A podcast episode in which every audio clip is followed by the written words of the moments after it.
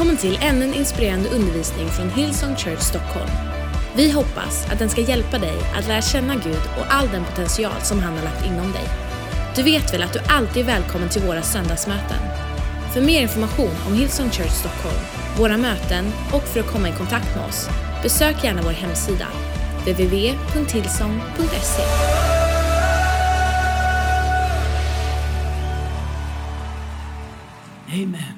Well, jag kommer predika som om alla varit frälsta här väldigt länge, som alla tycker är kul att lyssna länge på mig och, och som eh, kommer gå kanske lite djupare idag.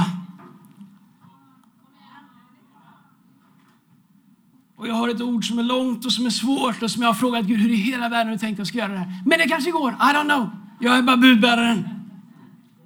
Första krönikeboken kapitel 4, vers 10 så finns det ett bibelord som jag älskar. Ett av mina favoritbibelord. Det står Jabes ropade till Israels Gud och sa Åh, att du ville välsigna mig och utvidga mitt område och låta din hand vara med mig. Åh, att du ville göra så att jag slipper olycka och smärta. Och Gud lät det ske som han bad om. Jag älskar när man ber böner och Gud låter det bli som man ber om. För ofta så har jag bett om saker och Gud har gett mig något helt annat. Gud gav mig inte det jag ville ha, han gav mig det jag behövde. Jag menar, det pillret är ibland svårt att svälja. När Gud inte ger oss det vi ber om, men när Gud ger oss det vi behöver. Lite längre fram så ser vi att vi tackar Gud för att Gud gav oss det vi behövde och inte det vi bad om. Men om Gud skulle ge dig det du ber om, är du redo för det du ber om? Min fråga till dig ikväll är, är du redo för det du ber om? Det jag upplever att Gud har lagt mitt hjärta och fråga dig och tala till dig lite grann om här ikväll är, är du redo för det du ber om? Om Gud skulle svara på din bön, skulle ditt liv mäkta med och bära det. Jag pratar inte om hur helig du är. Jag pratar om att allt som kommer ifrån Gud bär med sig en viss tyngd. Det bär med sig det Gud gör i våra liv och ger oss, gör anspråk på oss på ett sätt som när man ser på någon annan människas liksom 15 sekunders highlights av deras liksom God moments så ser det så fantastiskt ut. Men när man inte ser de andra timmarna av att bära bördan av de 15 eh, magiska sekunderna så tror man att Gud, om jag bara kan få det där. Och Gud säger, det där är ingenting man kan få. Det är resultatet av någonting som de flesta inte ser. Så min fråga är, är du redo för det du ber om? Om du inte är det ska vi jobba med det ikväll.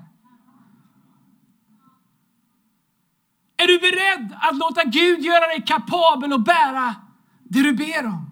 Jag ska predika om Josef ikväll. Jag skulle predika om Josef och Simson, men sen tog det så lång tid med Josef så jag hinner aldrig till Simson. Vi tar den en annan kväll.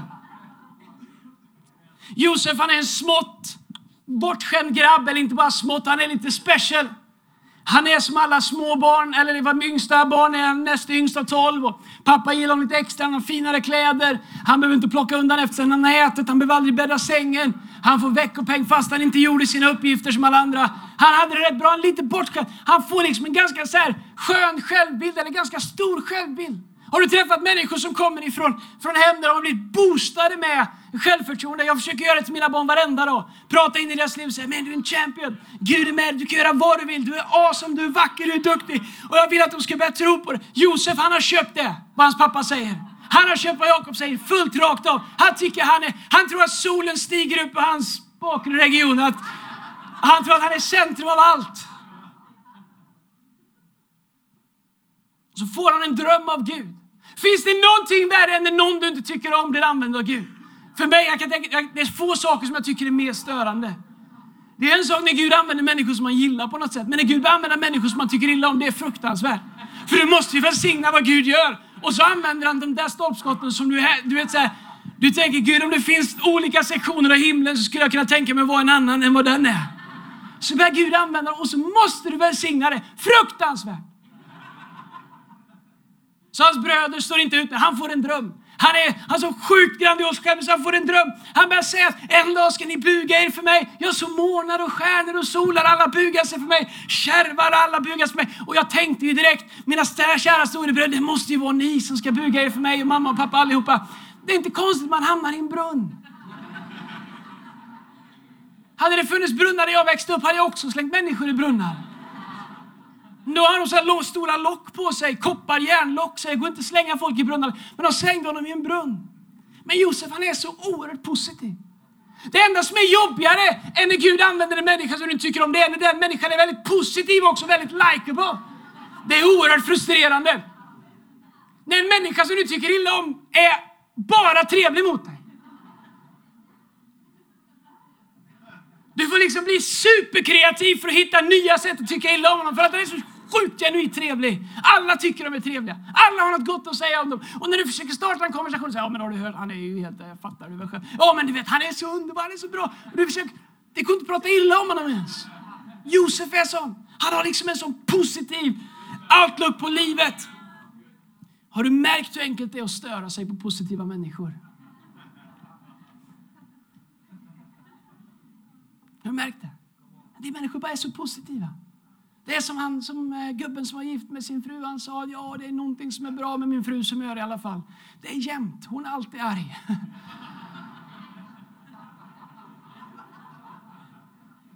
Eller som han, poeten som var ute och gick. En engelsk poet. Han skrev det här fantastiska verket. Jag vet inte om han har fått Nobelpris, men han borde få det. A little bird in the sky. You look up and it poops in your eye. You don't mind and you don't cry. You just thank God that cows don't fly.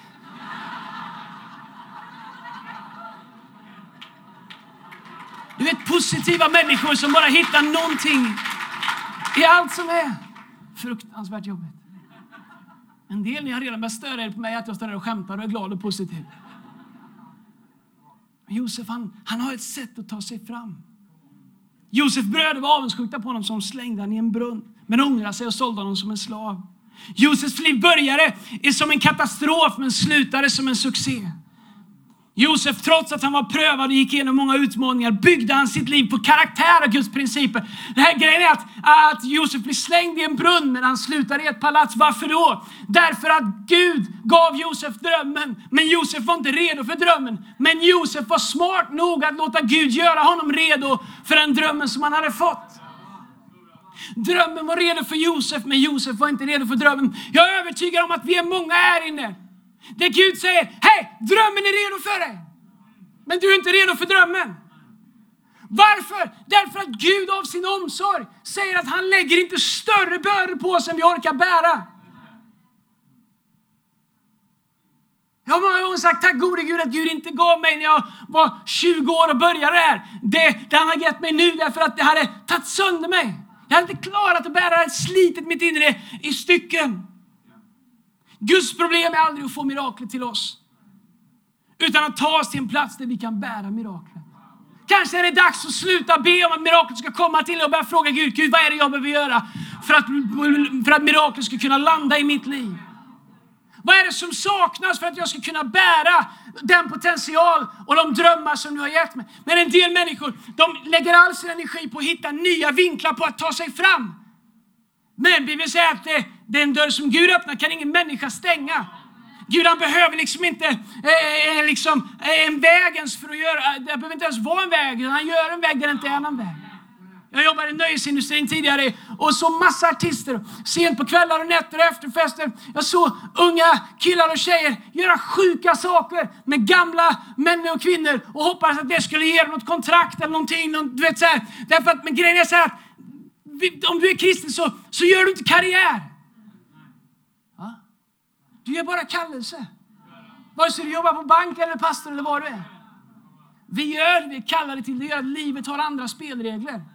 Det gör att vi kan forcera oss in på ett område, men Gud säger att du får inte, du kommer inte, jag kommer inte välsigna dig där för att du inte är redo att vara där. Det är bättre att säga, Gud vad behöver jag göra här? Så att jag kan överleva där.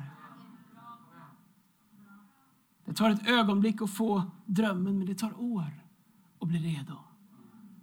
Det har tagit mig 20 år att komma hit. Ändå är jag inte redo för allt som Gud har för mig. Men 20 år har det tagit mig att komma hit. Jag träffade någon ung pastor och sa, Andreas, vad ska jag göra för att bli som du? Well, om du kan så välj något annat. Livet är mer än 35 minuter på en estrad.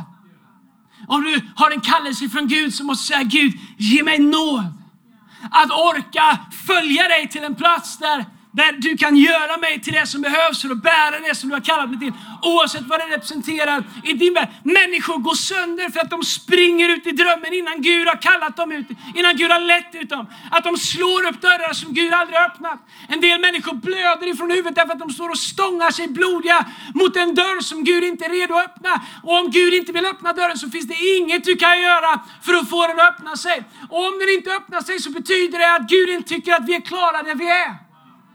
Men om vi tar hand om vart vi är så kommer Gud öppna den dörren som behövs för att vi ska kunna gå dit Gud har kallat oss till att göra. Om du tar hand om idag så kommer Gud alltid ta hand om imorgon. Så Josef han slängs i en brunn och sen säljs han. Men redan i sin fars hus så får han den här drömmen. Jag har upptäckt att Gud har en plan till mig. Men Guds plan kommer alltid vara kopplad till sin fars hus. Till fars hus. Min plan kommer alltid vara kopplad till min fars hus. Betyder inte att jag måste jobba här. Betyder inte att man måste ha en dröm om att bli pastor. Men du förstår, det enda genuint som Gud bygger är sin kyrka. Han bygger den inte bara genom en massa sådana här saker. Han bygger den på din arbetsplats, han bygger den på din skola, han bygger den. Men den kommer alltid utgå ifrån det som han i centrum bygger. In the center of all this, första, uh, eller Efesierbrevet kapitel 1, vers 23, in the center of, uh, eller 22 kan det vara. In the center of all this Christ rules the church. The church is Christ's body in which he speaks and acts and by which he fills everything with his presence. Vi kan inte säga, nej jag ska inte jobba i kyrkan så jag gör min egen grej. Min vän, du är lika beroende av, av den här kyrkan om du vill starta ett företag och uppfinna nästa Skype som jag är som är pastor i den här kyrkan. Det finns inget liv för någon människor som är dislokerade från, är ett ord, dislocated, från kroppen. Utan allting får sitt ursprung därifrån. Psalm 92, vers 13. Den som är planterad i Guds hus kommer alltid att blomstra. I sin fars hus fick han drömmen, i Puttifars hus så fick Josef drömmen prövad. Och egentligen här vill stanna en stund i Puttifars hus. Om din dröm är från Gud så är det enda jag kan lova dig att den kommer att bli prövad. Därför att det som inte har blivit prövat har inte bevisat sig hålla måttet. Och sen när han har prövat den så kommer han försöka för, för, liksom purify it, förädla den. Och när han har förädlat den så kommer han försöka skickliggöra den. Och det enda det är, jag hoppas du tycker jag känner uppmuntran, men det enda det är, det är som att vara en slags torktumlare med stenar. Mm. Men det som kommer ut, det är guld. Hade det varit enkelt hade alla människor gjort det. Hade det varit enkelt att leva i Guds fulla potential så hade alla valt att göra det. Hade det varit enkelt att följa Jesus, ta på sitt kors och följa honom no matter what, så hade alla gjort det. Men det är inte enkelt, men det är möjligt. Men alternativet till att göra det är ett liv som är så fruktansvärt därför att det är ett liv där vi står och tittar på det liv vi kunde ha haft. Det finns inget större straff än att stå och titta på det liv som man kunde haft, ana vad livet kunde varit. Faktum är att när vi följer Gud, även Josef som hamnar i Puttifars hus, han hamnar där som, som dräng. Han är kallad till att bli någon som folk böjer sig och bugar inför, men han hamnar som dräng i Puttifars hus. Han får sin dröm prövad. Faktum är, har jag upptäckt, att du kan ha både favör och prövning samtidigt. Men jag är en stor förespråkare, jag har stor tro på Guds favör. Jag talar ut i mitt liv. Jag är uh, I, I'm highly favored. Jag har Guds favör i mitt liv. Saker som inte borde gå att gå. Vår kyrka är highly favored. Saker som inte borde gå att gå. Det borde inte gå att hyra hovet. Det borde inte gå att packa hovet. Det borde inte gå men människor, volontärer, göra vad vi gör. Det borde inte gå att döpa 210 människor efter bara några år. Det borde 2182 människor bli frälsta i vår kyrka på söndagar. 2005, bara under 2015. Det borde inte gå. Men favör är när Gud gör vad som inte borde gå. Det är inte vi som är bra, det är han som är awesome. Det är favör. Och du kan bestämma dig för att leva i hans favör. Men faktum är att du kan leva i favör och prövning samtidigt. Grejen är att ibland när vi, när vi, slä, när vi, när vi lever i favör så tror vi att vi är immuna mot prövning. Immuna mot attacker. Så vi blottar våran rygg. Men när vi är under prövning så tror vi att Gud är långt borta och alla hans löften, alla hans principer inte är satta ur spel därför att vi lever i prövning så behöver vi fatta beslut som är annorlunda än vad vi gör. Faktum är att under prövning behöver vi fatta samma beslut som vi gör när vi känner att vi lever i stor favör. Därför att han är densamma igår, idag och all evighet. Hans principer, hans ord ändras aldrig. Han är alltid densamma. Josef han lever i prövning och favör. Jag hoppas att någon fångar det här. Därför att om ditt år 2016 ska bli annorlunda, om du får grepp på det här. Alla ni som är ledare i vår kyrka, lyssna på vad jag säger nu. Nu, nu, nu, nu då. jag är lite taggad. Jag har ju inte predikat på flera söndagar. Det har varit sabbat och jul och allt möjligt. När vi går med Gud måste du lära dig att leva i prövning och favör samtidigt. Du måste förstå hur de samexisterar i ditt liv. Josef han lever i favör. Kolla här i Första Mosebok kapitel... Jag har köpt en ny bibel med, kolla vilka stora bokstäver det är. Det är underbart. Ha! Mackan, det här det skulle du ha. Jag behöver inte ens ha glasögon längre. Jag är på nytt född. Dessutom så kan man jobba med sina curls samtidigt för den är så stor där. Lite tung för Erik, men för den Första Mosebok kapitel 39. Josef hade förts ner till Egypten.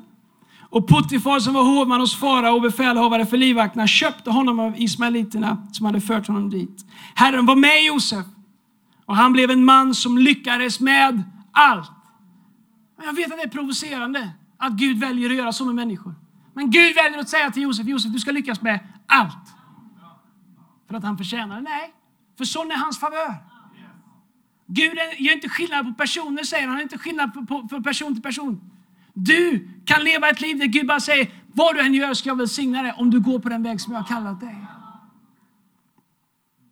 Han var i sin Egyptisk herres hus och hans, herre, och hans herre såg att Herren var med honom eh, eftersom Herren lät allt han med stora bokstäver, man får bläddra mycket.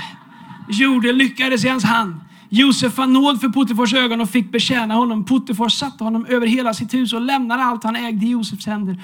Från den stund han satte honom över hus och alla sina ägodelar välsignade Herren Egypternas hus för Josefs skull. Alltså de som inte borde vara välsignade är välsignade för att en som är välsignad får förtroende av de som inte är välsignade. Herrens, välsigna, Herrens välsignelse vilar över allt som var hans, både hemma och ute på marken. Så Josef han lever i en magisk favör. Magisk favör. Allt han tar i blir till guld. Långt innan Peter Jöbacks sand blev till guld så blev allt som Josef tog i till guld. Men samtidigt som han lever i den här otroliga favören, där allt lyckas väl, så lever han också under ständig prövning. Ett sätt att kunna få ta tillbaks det han tycker att han har fått förlorat. Men en del av oss, vi råkar ut för saker och ting. Och så får vi tillfälle att synda, eller tillfälle att ta en genväg, eller tillfälle att göra saker för att det är synd om oss. Självömkan är absolut den största lögnare som finns. Roten till alkoholism är självömkan. Lögn. Ja, det är synd om mig så jag får nya saker. Eh, många människor sitter fast på så många olika områden och roten av det är självömkan. Människor fattar fruktansvärda beslut därför att man tycker att det här är minsann inte konstigt, så svårt som jag har det. Med tanke på vad jag har gått igenom så kan ingen klandra mig för att jag fortsätter att repetera det liv som jag kommer ifrån. Det kanske är sant, men det producerar inte sanning eller framtid. Självömkan är fruktansvärd. Självömkan är en fruktansvärd herre att ha i sina liv. Jag ska erkänna att nu och då i mitt liv så har jag fallit för självömkan. Och man, jag ska erkänna till och med i vissa söndagar när man har predikat alla fyra möten, när man har tömt sig ut och in. Och man, bara, man sitter hemma som, ett, liksom, som en nyförlöst kvinna utan epidural. Ni tror att det är jobbigt att föda barn, prova att predika en hel söndag. Ingen lustgas, ingen epidural, ingen man som står och klappar dig på huvudet hela dagen. När Selina skulle födas sa de till mig, Andreas du får inte dricka kaffe, det kan vara jobbigt för Lina. Alltså hon ligger hög som ett hus på alla droger ni har i den här gripande byggnaden. Jag har stått där i 28 timmar och klappat henne och jag får inte dricka kaffe. Jag dricker kaffe. Jag vet inte, vi kom dit. Självömkan är fruktansvärt. Så här, kolla vad som händer i Josefs liv hade varit enkelt för dem att falla för självömkan. Nästa vers, kapitel 6. Och han lämnade allt i Josefs händer. Med honom som hjälp bekymrade han sig inte om något annat än maten som han åt. Josef var välväxt och såg bra ut.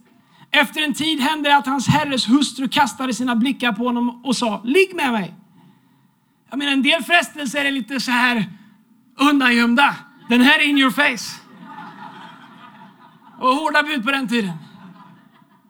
Men han vägrade, nu, nu står det inte om hon var snygg eller inte, men i alla fall. Det står så här. Men han vägrade och sa till sin herres hustru, när min herre har mig i sin tjänst bekymrar han sig inte om något i huset. Allt han äger har han lämnat i mina händer. Här i huset har han inte större makt än jag.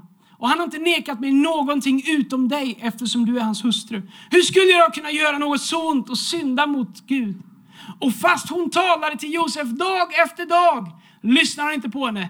Han ville inte ligga hos henne eller vara tillsammans med henne. Alltså här går en kvinna efter honom dag efter dag. Ligg med mig. Ligg med mig. Snälla ligg med mig. Ligg med mig. Kan vi inte ligga med varandra? Jag läser Bibeln. Rodna inte det, vi läser Bibeln här idag. Barnen är på kids, alright? Du kan ta fram den när du kommer hem till frugan ikväll och säga låt mig få läsa något för dig ikväll. Om du inte vet liksom hur du ska komma, komma in på samtalsämnet, säg älskling kan vi inte läsa Bibeln tillsammans ikväll? Andreas var något på spåret där han läste det. Mm, ligg med mig. Gå och lägg dig. Vet du hur enkelt det hade varit för Josef att säga Gud, jag fick en dröm av dig. Den enda tacken jag fick var att jag blev slängd i en brunn och såld som en slav. Tänker min sann inte hålla uppe någon karaktär. Gud, vart var du när jag hamnade i brunnen? Jag tänker ligga med henne. Eller oavsett vad det hade varit. Självömkan.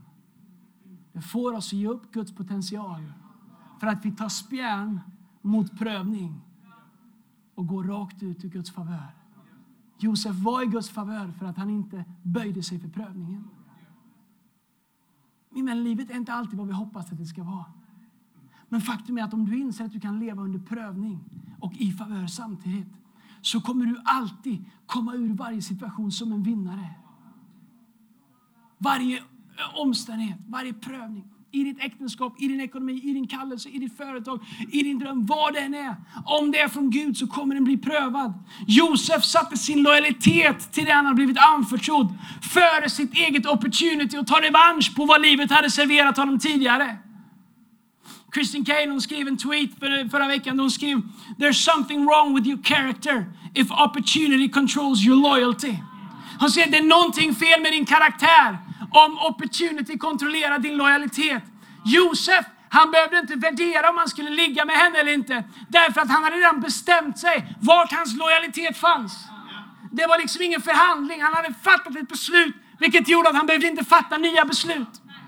Om du har fattat ett beslut att leva ett liv med karaktär, lojal till det som Gud har kallat dig till, det är det som är framför dig är större än frestelserna bredvid dig, så kommer du alltid kunna stanna på vägen. Josef hade först uppenbarelsen men inte mognaden att hantera den. Men han committade sig till Guds process. Och hans mognad växte i kapp hans uppenbarelse. Lyssna på vad jag säger. Du kan leva. Det finns massa kristna. Och jag har sagt det här är året när jag inte ska vara arg på knäppa kristna bloggare. Det finns många bra bloggare, men så finns de andra också. Men om jag får ge dem en sista släng. Bara de dåliga, inte de bra. Faktum är att en del av dem har lite uppenbarelse. Det är sant en del av dem skriver. Josefs problem var att han hamnade i brunnen var att han hade mer uppenbarelse än mognad och karaktär. Så även om han var något på spåret så hade han inte betalt priset för att kunna omsätta det i praktik. Vilket gjorde att det ledde till destruction i hans eget liv.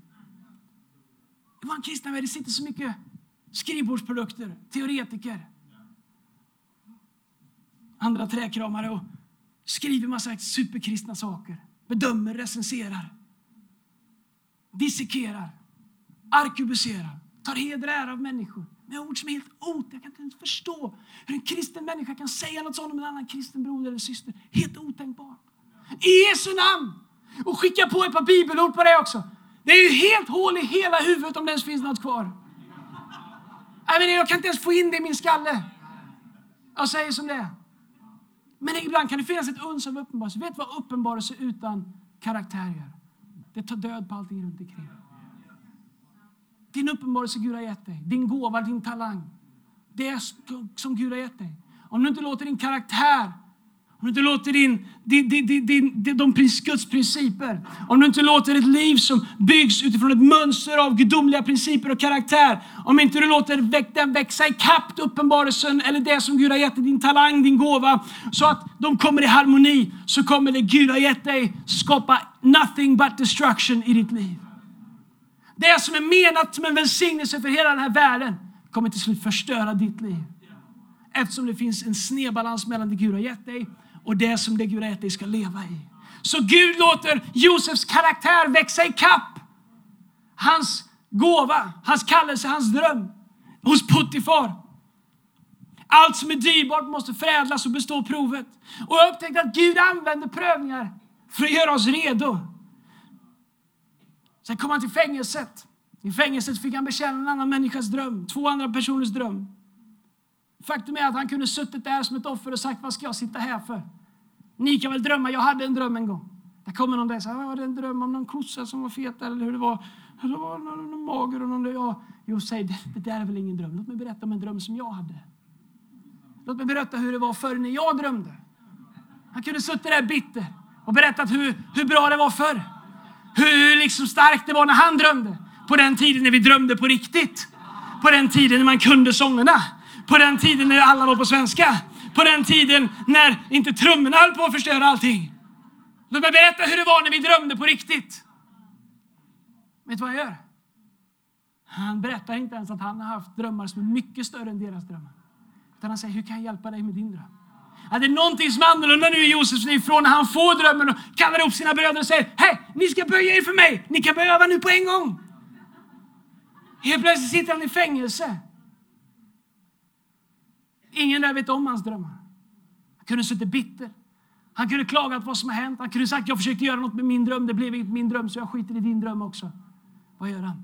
Utan några som helst löfte om en framtid så börjar han betjäna andra människors drömmar. Min vän, om du inte är beredd att förlösa andra människors drömmar så kommer du aldrig kunna se din egen dröm bli förlöst. Därför att jag har upptäckt på vägen in i min dröm så är de trappsteg som man går trappsteg där man förlöser andra människor ut i sina drömmar. Och helt plötsligt när man tänker mindre på sin egen dröm så upptäcker man Wow, Gud, du kommer hit! Det var ju det här vi drömde om! Det bästa sättet att komma dit du vill är att glömma det för ett ögonblick och hjälpa andra människor att komma dit de vill. Därför att Gud letar efter vadå? Människor som han kan använda. Vad promotar Gud? Människor som inte sitter fast i det fördolda eller förgångna. Människor som inte gör ursäkter för det som har varit, för sin inaktivitet i det som är.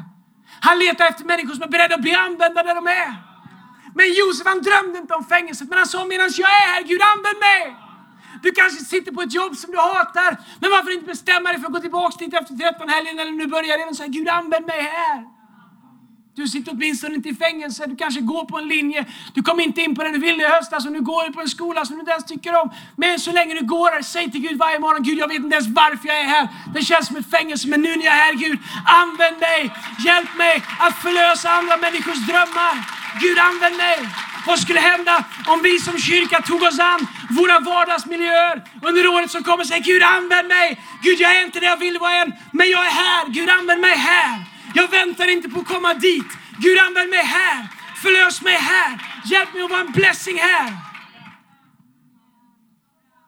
Josef han sökte inte faraos hus. Faraos hus var en konsekvens av hans trofasthet på platser som man, många av oss hade sett som ett straff. Faktum är att om du är för stor för att duka upp plattformen åt en annan så är du för liten för att stå på den själv. Vi vinner förtroende genom att så det vi vill skörda. Förvirrade människor de tror att de har rätt att skörda det andra människor har sått. Oh, det var bra. Tweeta det någon. Skriv ner det så jag kan tweeta det sen. Jag har inte så många bra tweet men den, vet, ibland så det är enkelt att komma. Du kan komma in här i vår kyrka också. Men vi behöver alla människor. Det finns en plats för dig, vem du än är. Men faktum är att om jag tar en sån som Erik Liljeroth som jag mest driver med på söndagar. Men det, fråga Lina, det är mitt kärleksspråk. Jag håller en namn för henne också som inte passar sig att säga i mikrofonen. Men hon ler när jag säger dem. Det, det jag kommer ifrån, vi jobbar inte med känslor så mycket sådär. Så när vi vill säga att vi älskar någon så, så säger vi något halvelakt. Det, det är samma sak. Same same, Martin. Skit. Jag gillar honom, han är grym. En av mina absolut bästa vänner. Men Erik bygger på en plattform som han har byggt själv. Han står på en plattform han har byggt själv. Han skördar från son, frön som han har sått och vattnat själv. Du kan komma in här och vara en större talang än Erik på att sjunga på alla grejer och tycka jag borde väl också få skörda. Jag är bättre på att sjunga, bättre på att leda. Jag är längre, jag kan spela bättre piano, jag kan göra alla de här sakerna. Men faktum är att förvirrade människor tror att man kan skörda där andra människor har sått. Om du vill skörda så måste du börja så. Du måste börja så för din egen skörd. Spelar ingen roll hur mycket talang du har för hur stor skörd din talang innehåller. Om inte du har börjat så, så kan du inte komma och vilja skörda andra människors sådd. Jag kan inte säga jag kan inte säga till pastor Brian som kommer nästa vecka, Brian om du ska göra det, då har jag också rätt att göra det. Jag kan inte kräva del av hans skörd. Jag måste så min egen sådd för att få skörda det Gud har kallat mig att göra. Och Det är det Josef gör, han sår i fängelset. Han sår utan en tanke på att få skörda. Men Bibeln säger att allt som sås kommer växa upp. Så han sår utan ens förstå. Han sår, han sår, han sår. Kanske är det en säsong du bara känner, jag sår, jag sår, jag sår. Jag skördar inte, jag, du kanske inte ens känner, jag är inte ens med och jobbar, jag bara sår, jag sår, jag sår. Min vän, du bygger en skörd för framtiden. Faktum var att Josef förstod inte ens att Gud använde honom för att så. Så att en hel nation skulle få skörda under en hungerskris. Du kan säga, Gud varför vill du att jag ska så? Varför måste jag så? Varför? Det är inte ens någon som ser vad jag sitter i en fängelse och lär. Alla är på plattformen, alla får nya jobb, alla kommer in på skolor. Varför är jag bara här och sår och sår och sår och sår? Kanske är det så att Gud, han vill använda dig för att många människor ska få skörda under en period när de andra inte kan bidra med skörd. Men om du drar sig undan så har min, säger, eh, den rättfärdige ska leva av tro, men om han drar sig undan har min själ ingen glädje igen. Är du beredd att så i tron när ingen ser? Även när du inte ens förstår. Se om du vill använda Gud så kommer Gud använda dig till att så när du inte ens förstår att du sår. Det som händer i fängelset. I faraos hus fick Josef leva sin dröm. Drömmen som Josef fick var likadan som den han levde i.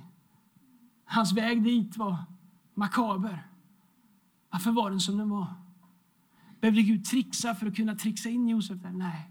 Gud kunde tagit Josef från sin fars hus till faraos hus. Resan handlar om Josef, inte om Gud. Det handlar om att göra Josef redo att gå från sin fars hus till faraos hus. Så de flesta av oss vi vill gå från vår fars hus till faraos hus och vi är arga på Gud för att han, han får, låter oss stanna, stanna upp emellan i olika situationer. Men bara för att du inte är i faraos hus, så sluta inte gå. En del av er kanske känner till och med som jag tagit steg bakåt. Come on, fortsätt att gå. Därför att när du minst anar så kommer du upptäcka att jag är mitt i min dröm. Jag är det jag inte trodde var möjligt. Och helt plötsligt så kommer du se att Gud kan använda det som inte... Josef var helt annorlunda nu när han kom dit. Josef var tvungen att växa in i sin dröm.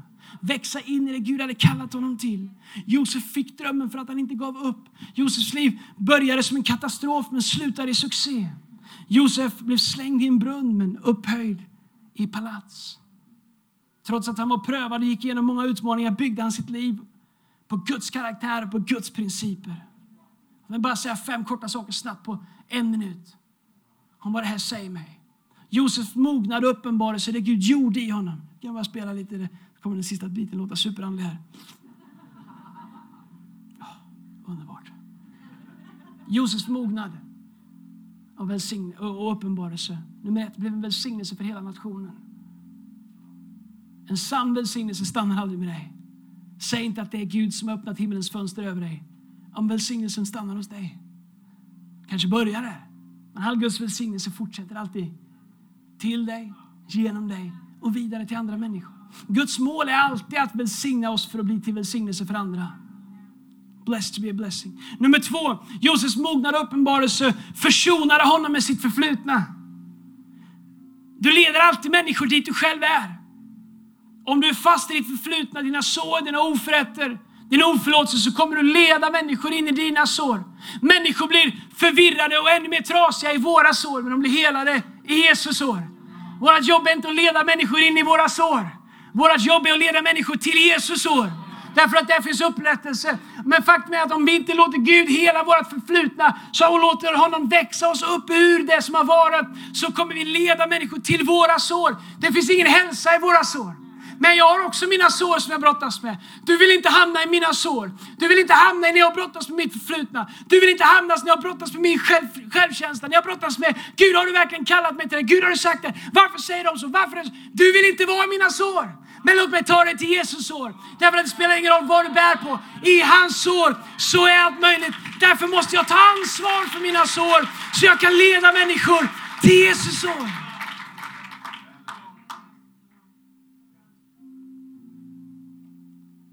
Josefs mognad och uppenbarelse nummer tre gav honom inflytande. Hillsong Church Stockholm, vi kallar det till inflytande. Det är en del av vårt DNA, det är en del av vårt vision statement to lead and influence the world by building a large Bible-based church. Karaktär och lojalitet kommer alltid ta dig dit talang och begåvning aldrig någonsin kommer räcka till. Vår karaktär är kärlet som håller smörjelsen på plats i våra liv. Nummer fyra, han lät inte sina bröders fel och blev en ursäkt för passivitet och bitterhet. Nummer fem, Gud gjorde honom till en gudsman. Låt mig sluta med det. här. Gud gjorde honom till en gudsman. Du kan bli en gudsman, en gudskvinna. Det är ett gammalt uttryck. Jag vet inte vad det betyder för dig, men vet du, du kan bli en gudsman. Ditt hem behöver en gudsman. Ditt hem behöver en gudskvinna. Det är ingenting som man bara säger, nu ska jag vara det. Det är något som man låter Gud göra oss till. Har inget att göra med hur många fel du har gjort i det förflutna. Faktum är att har du gjort mycket fel så kanske du har turen att inse att du behöver Gud. Vilket gör att det går fortare för dig att bli en gudsman eller en gudskvinna förmodligen. I brunnen valde Josef att bevara sin dröm trots att hans bröder försökte döda den. I Potifars hus valde Josef att vara trofast och lojal. I fängelset valde Josef att betjäna andra människor, andras drömmar, fast hans egen aldrig hade verkat längre bort. I faraos hus valde Josef att ge nåd till sin far och sina bröder och bli till en välsignelse för dem som hade kastat honom i brunnen. Varför? Därför att att bli ett Guds barn är en gåva, men att bli en gudsman eller en gudskvinna är ett val som ni gör. Josef säger, jag väljer att vara en gudsman. Jag förlåter mina bröder. Jag väljer att vara en gudsman. Jag tyder andra människors drömmar. Jag väljer att vara en gudsman. Jag tjänar min herre Puttifar och jag säger nej till hans kvinna. Josef väljer och han väljer och han väljer. Han säger inte vad känslorna säger. Han säger, jag väljer att vara en gudsman. Jag väljer Guds principer. Jag väljer vad Gud har sagt. Jag väljer att stå fast i vad han har sagt.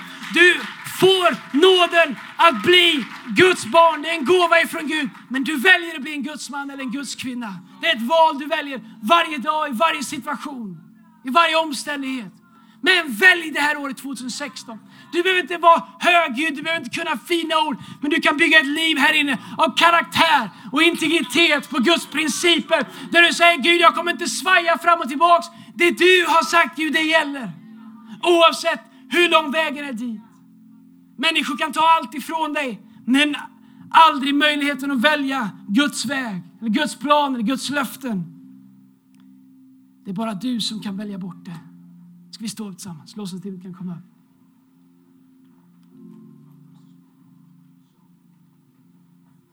Jag ska be en bön. Här är vad jag ska be.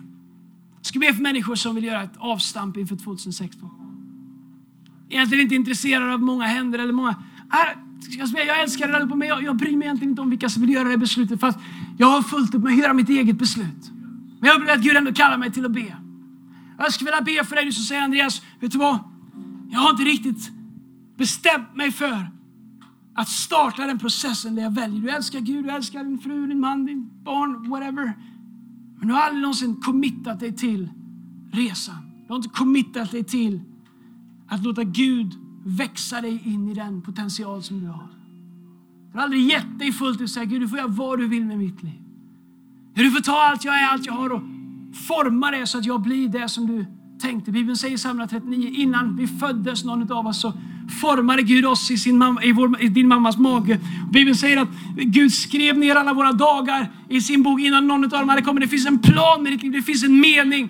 Och när du hamnar i centrum av det Gud har kallat dig till, det Gud har skapat dig till, så finns det en tillfredsställelse som är bättre än droger, det är bättre än sex, det är bättre än makt, det är bättre än någonting. Det du, du lever på en plats där du säger Gud, jag kan mista allting men jag kommer ändå ha allting kvar därför att jag är i centrum av din vilja. Det finns en gammal sång som heter Jag vill hellre ha Jesus än silver och guld. När du är i Guds vilja så har du allting. Men det kommer kosta. Och Gud kommer ta dig till, till brunnen, till Puttifars hus, till fängelset. Vad det representerar ditt liv vet jag inte. Så en del människor de vill bara iväg. Gillar inte smärtan, gillar inte utmaningen, gillar inte prövningen. Det ska vara comfortable. Vi lever ett liv där allting ska vara skönt. Det ska vara härligt, det ska vara enkelt, det ska gå fort. Min vän, det som är stort, det som är dyrbart. Nummer ett, det går oftast inte fort. Nummer två, det kostar när det kommer till. Precis som när man förädlar guld, man slänger in det i ugnen och hettar upp det till det glöder, tar ut det, slår med en hammare på det så allt, allt, allt faller bort som inte är guld. Ner med det i kallt vatten, in med det i ugnen igen, hettar upp det igen, fortsätter att slå på det. Vad gör det? Det gör ont. Vad händer? Det blir guld kvar. Våra liv är ibland som ett gummiband. Gud tar oss som vårt liv vore en gummiband och spänner oss. Aj, det gör ont. Släpp Gud. Vill du verkligen det? säger Gud. Ja, släpp det är inte skönt. Jag vill fram. Kolla på de andra, de flyger redan. Men säger Gud, jag har större potential för dig. Jag har tänkt att du ska gå längre. Den här farten kommer inte räcka. Men det gör för ont, det är för obekvämt, det är inte skönt. Jag har ingen feeling längre. Släpp! Så släpper Gud och så landar vi långt innan våra potential. Medan en del andra, det är som att, som i Josefs liv, man tycker att hans liv går bakåt. Han har favör hos sin far. Så ska Gud skjuta ut honom i en dröm, så drar han honom bakåt. Boom! I brunnen. Aj! Just säger Gud, kan du inte skjuta ut mig? Du kan inte få komma ut i din kallelse med potential. Absolut, vänta lite bara. Aj! Han har i Puttifars hus. Gud, det är inte skönt. Nej, men ska du långt så måste jag få spänna dig hårt. Gud, jag är redo. Kan du släppa mig? Ja, men först fängelset. Josef är på väg att brista. När du är på väg att brista och du känner Andreas, det här går inte längre. Gud, jag orkar inte mer. Gud, du måste göra någonting. Gud, jag vill gå på de vägar du har kallat mig till. Gud, jag vill göra allt du har sagt. Men Gud, jag orkar inte en dag till. Gud, förlös någonting över mitt liv. Gud, låt någonting bryta igenom. Då kommer dina böner förändras och du kommer be på ett sätt som du aldrig har bett. Då kommer du vara beredd att följa Gud på vägar du aldrig har gått. Du säger Gud, jag gör vad som helst. Gud, jag är redo. Och Gud, medan andra har flugit fram kort så har Gud spänt dig och spänt dig och spänt dig. Och du har stått ut med smärtan. Du har stått ut med kampen. Du har stått ut med prövningen. Du gav inte upp i brunnen. Du föll inte i Puttifars hus. Du betjänar andra människor i fängelset. Och Gud säger, get ready, get ready, get ready, get ready. Jag är på väg att launcha dig ut i din potential. Och när Gud släpper dig så det som såg stort ut innan kommer försvinna när du flyger förbi allt som har varit. Min vän, be inte Gud att släppa iväg dig innan han har gjort dig redo.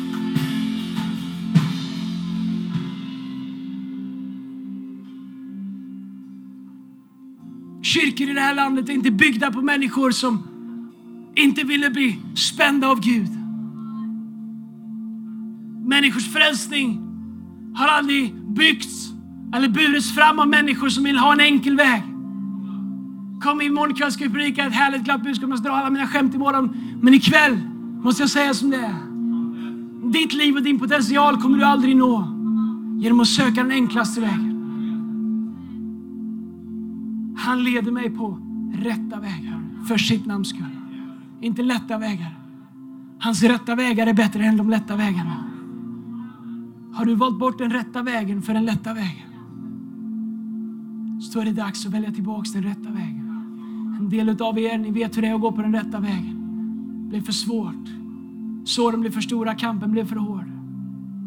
Tog den lätta vägen. Till er säger Herren ikväll, kom tillbaks till den rätta väg. Kom tillbaks i mina händer, låt mig åter få spänna er. Han ångrar inte sina gåvor. Han har fortfarande räknat dina dagar, han har fortfarande skrivit ner dem i sin bok. Ingenting är förlorat, inget är bortkastat. Men det är dags att överge den lätta vägen och komma tillbaka till den rätta vägen. Som Paulus säger, nu lever inte längre jag utan Kristus lever i mig. Kristus, om du vill spänna mig så spänn mig. Vem ska jag sända och vem vill gå? Jesaja säger, här är jag, sänd mig. Vad gjorde han då? Då brände han hans mun. Alla huvuden böjda, alla ögon stängda. Vi behöver människor i vår kyrka. Så säger Andreas, jag vill följa Gud ut i min potential. Får kosta vad det vill. Jag vill överge de lätta vägarna och välja de rätta vägarna. En del av er, ni är precis på gränsen till att bli vägskjutna. Jag är övertygad om att den här helgen så kommer Gud releasa människor ut i sin kallelse, releasa människor ut i sitt destiny, releasa människor ut i de genombrott som du har stått i tro för. Jag känner att den här helgen är en genombrottshelg för människors liv. Se till att du inte missar någonting som sker den här helgen. Utan låt Gud sätta dig och förlösa dig ut i allting som han har för dig. Men min vän, du måste ta ett första steg mot allting som Gud har kallat dig till att göra. Alla huvuden böjda, alla ögon stängda. Vill be för dig. Först vill jag be för dig, du som säger Andreas, jag, jag vet att det finns en väg. Men jag tyckte priset blev för högt. Jag blev för förvirrad. Andra saker kom emellan. Du är ingen syndare, du är på väg till himlen. Jesus älskar dig, du älskar honom. Jag pratar om någonting lite djupare bara. Meningen med ditt liv. Din potential, Guds kallelse över dig. Om jag pratar till dig så vet du vem du är. Jag vill be för dig där du står. Du som säger Andreas ikväll. Jag kan inte gå på den lätta vägen, jag måste gå på den rätta vägen. Kanske vet du exakt vilka pris det innebär. Kanske vet du inte, men du säger Gud, det får kosta vad du vill. Du som vet att du har valt den lätta vägen istället för den rätta vägen. Jag vill be för dig där du står. Kom on, lyft upp din hand där du står. Alla huvuden böjda, alla ögon stängda. Låt det här vara mellan Gud och människor. Thank you, Lord. Thank you, Jesus. Thank you, Lord. Fader i Jesu namn. Herre, jag ber om din kraft och din styrka, din nåd. Över var och en som har lyft sin hand. Herre, jag ber att här ikväll, Fader, att det skulle ske någonting i deras inre, i deras hjärta, Herre. Herre, jag ber att på samma sätt som drömmen etsade sig fast i Josefs liv och blev så stark, här. att han inte kunde fly från den, att han inte kunde lämna den eller överge den, utan oavsett vad som hände i livet så bar han den framför sig. Herre, jag ber att din kallelse över de här människornas liv ikväll skulle göras så tydlig. Herre, jag ber att du skulle röra vid dem så djupt, Herre Jesus, så att de säger det finns ingen annan väg för mig än den väg som Gud har kallat mig till, än den väg som Gud har skapat mig till. Det får kosta vad det vill. Det får gå över berg, det får gå genom dalar. Det får betyda vad det betyder. Men Gud, jag följer dig och ingen annan. Herre Jesu namn, jag ber, kalla dem ikväll på nytt, Herre. Tala till dem på nytt. Herre, jag talar liv i fallna drömmar. Herre, jag väcker liv i tilltal som har glömts bort, Herre. Herre, jag tackar dig för att du återupplivar människors inre gåvor. I Jesu Kristi Nazarets namn, jag tackar dig för det.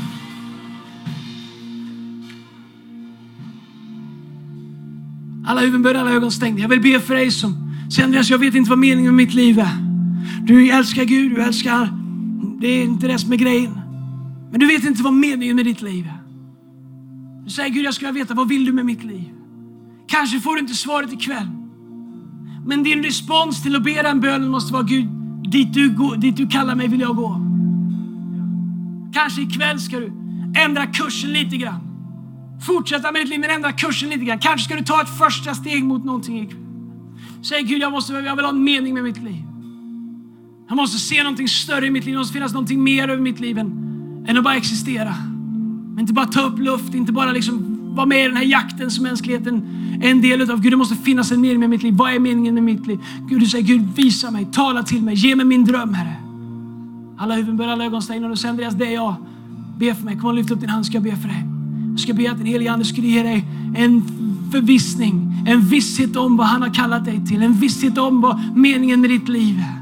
Bibeln säger att Gud gömmer inte sina råd, han döljer inte sina tankar. De finns att finna. Bibeln säger den som söker ska finna, för den som bultar ska en dörr öppnas. Kom on om det är du som säger Andreas, jag längtar efter vad Guds kallelse är för mig. Kom on, börja be där du står. Allihopa förresten, kom on, lyft upp din röst och börja be. Kom on, vi gör om det till ett bönemöte. Stå, stå inte och be försynt om du vet hur man ber. Hjälp till och be för människor som behöver få ett möte, ett tilltal ifrån Gud. Come on Hillsong Church, låt mig höra din röst. Lyft upp din röst och be här ikväll. Fader i Jesu namn, vi prisar prisa dig. Herre, vi lyfter upp ditt namn. Herre, jag talar i ditt namn. Fader, jag ber för var och en som har lyft upp sin hand, som söker en mening med sitt liv, som säger Herre, visa mig meningen med ditt liv. Herre Jesu namn, jag deklarerar att du ska låta din vilja ske. Du ska låta ditt rike komma i var och en. Heligande, tala till dem i drömmar, i syner, i visioner, i uppenbarelser. Herre, jag ber att du skulle förlösa in i deras liv, Herre. Saker som de aldrig har sett, vad inget öra har hört, vad inget öga har sett, vad inget hjärta kan förstå. Det har du förberett åt var och en som söker dig, som tror på dig. Herre, jag förlöser drömmar. Herre, jag förlöser övernaturliga möten, tilltal från människor, från dig heligande. Herre, jag ber att människor skulle vakna varje morgon med en klar vetskap om att mitt liv har en mening. Det finns en plan. Jag tar inte bara upp luft. Herre, låt din vilja ske, Herre. I Jesu namn. Tack för att du har lyssnat. Om du vill veta mer om Hillsong och mer om vem Gud är, kontakta oss gärna. Eller gå in på www.hillsong.se. Och kom ihåg, du är alltid välkommen till våra gudstjänster. Om du vill ha mer information och uppdateringar av pastor Andreas Nilsen, följ honom på Twitter, Instagram och Facebook där hans användarnamn är Andreas Nilsen.